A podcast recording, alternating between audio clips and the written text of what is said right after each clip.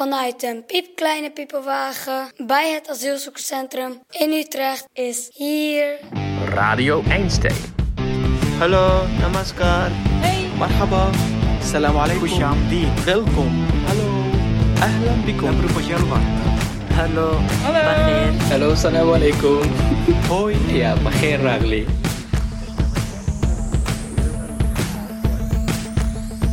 Met vandaag de aflevering. De waarde van werk. Dit is Radio Einstein, een podcast over het leven in en rond het Utrechtse asielzoekerscentrum. In de aanloop naar seizoen 3 van Radio Einstein luisteren we naar de mooiste verhalen van de afgelopen seizoenen. Met vandaag de laatste aflevering van deze miniserie. We hebben het over werk. Specifiek betaald werk. Iets dat voor veel bewoners van het AZC onmogelijk is, want om te kunnen werken heb je een verblijfsvergunning nodig. Vrijwilligerswerk is vaak ook geen optie, want meestal heb je daar op zijn minst een verklaring omtrent gedrag voor nodig. En zonder papieren kom je daar niet aan. Gelukkig zijn er een aantal organisaties die heel laagdrempelig vrijwilligerswerk aanbieden. Gewoon om bezig te blijven. Koken in een verzorgingstehuis of fietsen repareren, dat soort werk. In Utrecht is er bijvoorbeeld de Vrijwilligerscentrale, die activiteiten aanbiedt waar je spontaan aan kunt meedoen. En de Vrijwilligerscentrale heeft zelf ook vrijwilligers die als tolk werken om de asielzoekers uit te leggen wat ze precies doen. Zoals Dunja uit Iran. Ik ontmoet haar tijdens de wekelijkse werving. Ik wil iets doen. Maar als ik niet iets doe en alleen praten, en mijn gevoel is niet goed hoor. Dunja vertelt dat zij, net als veel asielzoekers, dankbaar is dat ze überhaupt vrijwilligerswerk mag doen.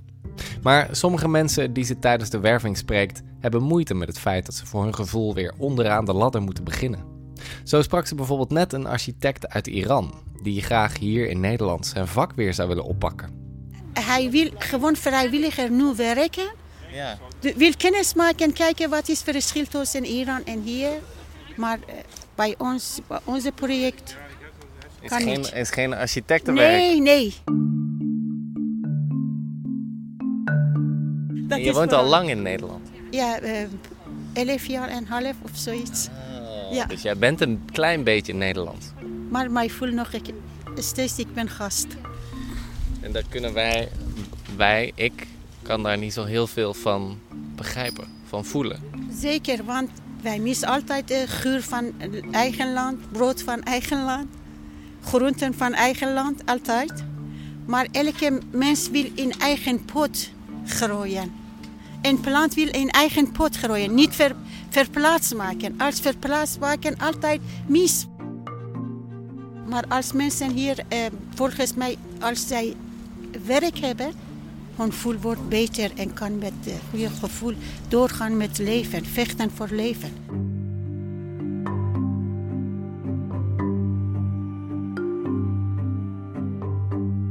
Even later ontmoeten we de immer positieve Ahmed. Dag, hoe is het? Goed, Wat is dat? dit is mijn microfoon. Die vier jaar geleden vanuit Syrië naar Nederland vluchtte. Ik hou van talen en ik hou van Nederlands. Ja. En ik hou van Nederlands mensen ook. Ahmed droomt van een betaalde baan. Maar vooralsnog komt hij niet verder dan vrijwilligerswerk. Bij het leger des Heils en bij de vrijwilligerscentrale. Als tolk Arabisch. Wat betekent eh, werk voor jou? Werk is alles. is mijn eh, identity. Ik kan niet eh, staan altijd in thuis met lawaai, met de vrouw of met kinderen. Moet je gaan naar buiten en werken en verdienen geld. En kom terug naar huis. Ahmed verbaast zich over de Nederlandse werkweek. In Syrië bijvoorbeeld, ik heb gewerkt bijna 12 uur per dag. Nog, eh, sommige keren 14 uur per dag. Maar hier alleen 6 of 7 of 8. Part-time of eh fulltime. Sommige keren in Syrië, ik eh, had werk eh, 160 uur per 10 dagen. Altijd ben jij bent moe. In Syrië had Ahmed zijn eigen bedrijf. Hij verkocht medicijnen aan de apothekers. Maar de, door de oorlog, alles gaat weg. Hier hetzelfde werk doen zit er helaas niet in. Omdat is de, de taal is echt moeilijk voor de medicijnen. Het is echt lang geworden. Ik kan niet onthouden. Moet hier opleiding doen voor eh apotheker. En daarna moet ik studie bijna negen jaar. Ben ik nu eh 50 jaar. Alles ga naar opleiding doen. Misschien op 60 jaar. bijna klaar met het leven. Dan kun je, met, kun je met pensioen en dan ben je eindelijk klaar. ja, klopt. In Nederland heeft Ahmed een nieuwe droom. Je wil een eigen restaurant beginnen, Ja, ik hoop dat. want je bent chef. Ja, is mijn profession- ik ben een professioneel met koken. Ik heb gekocht bijna voor twee of 3000 mensen hier. Alle mensen eten van ons eten, als hij zeggen, altijd is echt mooi. ja, Mooi eten. Ja, Op de klopt. tong. mooi, mooi en alles.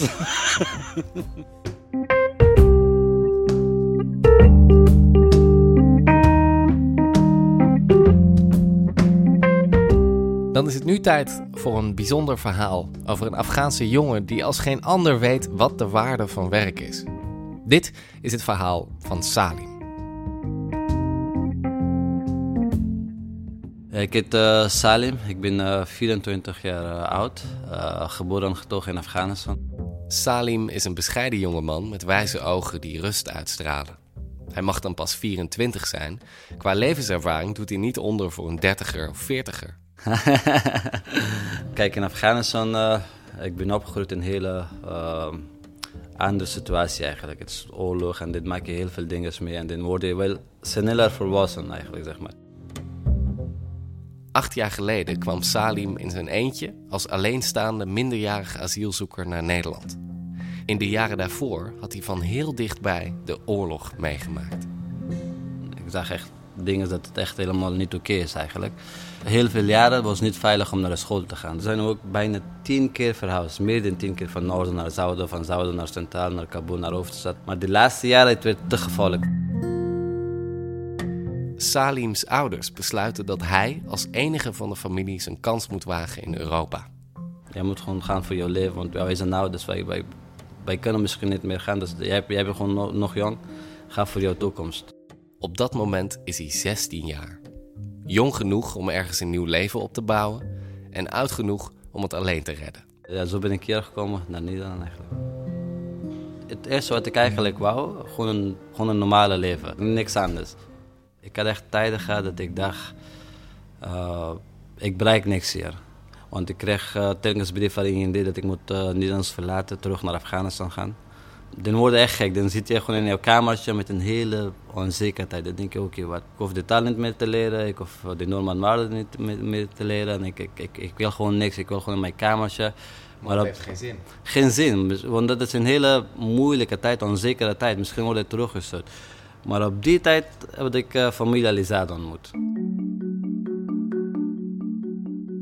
De familie Alizada is een familie in Tilburg die net als Salim uit Afghanistan komt.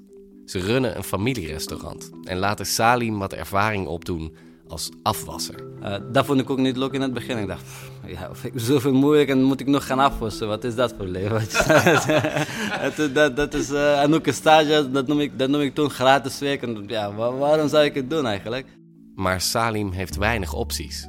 Hij heeft nog altijd geen verblijfsvergunning, dus hij mag blij zijn dat hij even van de straat is. De eerste twee, drie dagen gingen ze mij gewoon laten in de koken. Gewoon dat ik ging lekker moe worden, lekker afwassen. Na de derde dag gingen zij op tafel zitten. Ze gingen, wat is jouw probleem eigenlijk? Wat heb je allemaal meegemaakt? Salim vertelt de familie zijn verhaal. Ze luisteren naar wat hij te vertellen heeft en beloven hem te helpen. Toen begon ik een beetje te beseffen, oké, okay, nou heb ik echt uh, mensen om mij heen. Nou, nou sta ik niet alleen eigenlijk. Het is niet de eerste keer dat mensen er voor hem zijn. Maar dit keer is het anders. Als iemand tegen jou zegt, komt alles goed? Dan zeg je, ja, je hebt alles, weet je. Dat, ja, dan zegt docenten op school, dan zegt begeleiders en dan zegt, uh, weet ik veel, alle vrienden van mij. Dan komt het niet goed binnen. Maar iemand die heeft het allemaal meegemaakt, net als die familie. Dus ze worden ook gevlucht uit Afghanistan. Ze hebben zelf dat meegemaakt en uiteindelijk is het weer goed gekomen. Dat was het grootste verschil voor mij. Toen kreeg ik zo'n kracht van binnen. Ik dacht, oké, nou is het niet alleen. Nou komt het allemaal goed. Als het bij andere mensen goed komt, dan komt het ook bij mij goed.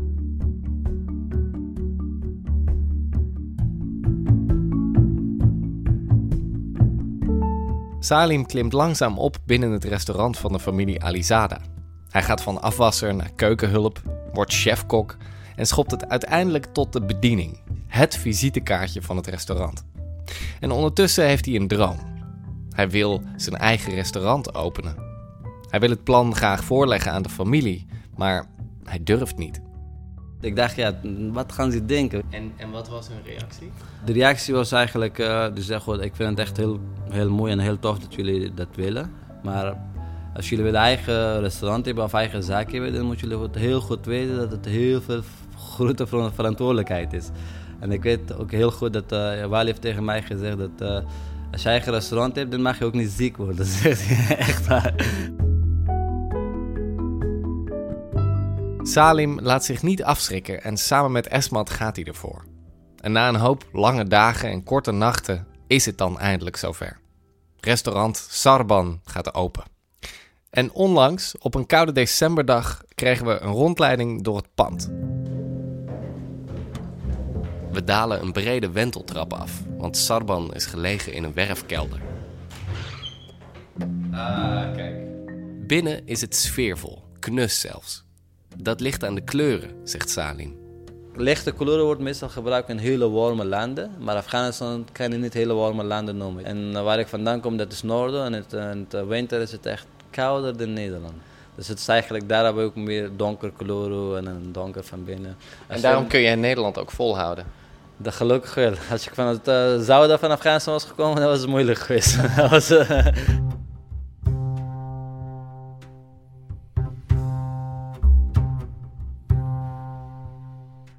Inmiddels bestaat Sarban 2,5 jaar. Volgens de filosofie dat als je elkaar vasthoudt... Dan valt er niemand. Als iedereen kan een beetje helpen, dan is het echt een wauwe wereld. Salim is trots op zijn restaurant. Maar het meest trots is hij op de mensen die hij aanneemt. Dat zijn vaak vluchtelingen uit Afghanistan of Syrië, die net als hij alleen naar Nederland zijn gekomen en maar wat blij mogen zijn met een stagecontract. De eerste dag moet je hem niet gelijk in verantwoordelijkheid geven. De eerste dag, wat, wat willen wij doen? Hem gewoon goed moe maken. Weet je, gewoon laten afwassen. Laten gewoon de eerste twee, drie dagen dat hij gaat gewoon lekker slapen. En op de tweede, derde dag ga je op tafel zitten. Dan is het, uh, dat werkt echt goed, geloof mij. Spreek je ook een beetje Nederlands? Ja, klein beetje. Klein beetje. Even later stappen we nog even de keuken binnen, waar een Afghaanse jongen hard aan het werk is. En jij bent eigenlijk de baas van de keuken? Ja, ik ben chef in de cooking, ja. En als je s'avonds thuis komt, ja. hoe voel je je dan? Ik voel, ik voel oké. Okay. Het is, uh... Moe? Nee, nee, ik ben nooit moe. Ja. En, en uh, hoe, hoe is het om hier te werken? Het is goed, ik, ik ben blij, ik werk hier. Ik voel, ik, jullie zijn mijn familie. Normaal gesproken, uh, ja, die jongens zitten gewoon letterlijk 24 uur lang thuis. En te wachten. Te wachten en dan, dan heb je, als je niks te doen hebt, dan automatisch ga je nadenken. Dan automatisch uh, dan denk je aan je problemen. Als je lekker bezig bent en dan komen ze naar huis en dan zijn ze helemaal moe, dan gaan ze lekker slapen. En daarom is het eigenlijk weer super belangrijk voor, voor, voor, dit, voor dit soort jongeren. Zijn ook heel erg netjes en heel hardwerkende jongens. En, en geef hen gewoon zo'n kans, pakken zij de kans. En, het belangrijkste is gewoon voor hen gewoon een beetje gewoon een gevoel geven dat ook in, jij staat niet alleen hier. Jij hebt gewoon mensen om je heen. Ja, hij gebruikt het woord familie. Dat is echt iets, uh, dat betekent heel veel voor mij eigenlijk. Dat is echt... Uh, niemand heeft hier aan familie. Ik heb geen familie, en de jongens hebben ook geen familie. Dus wij zijn voor elkaar familie.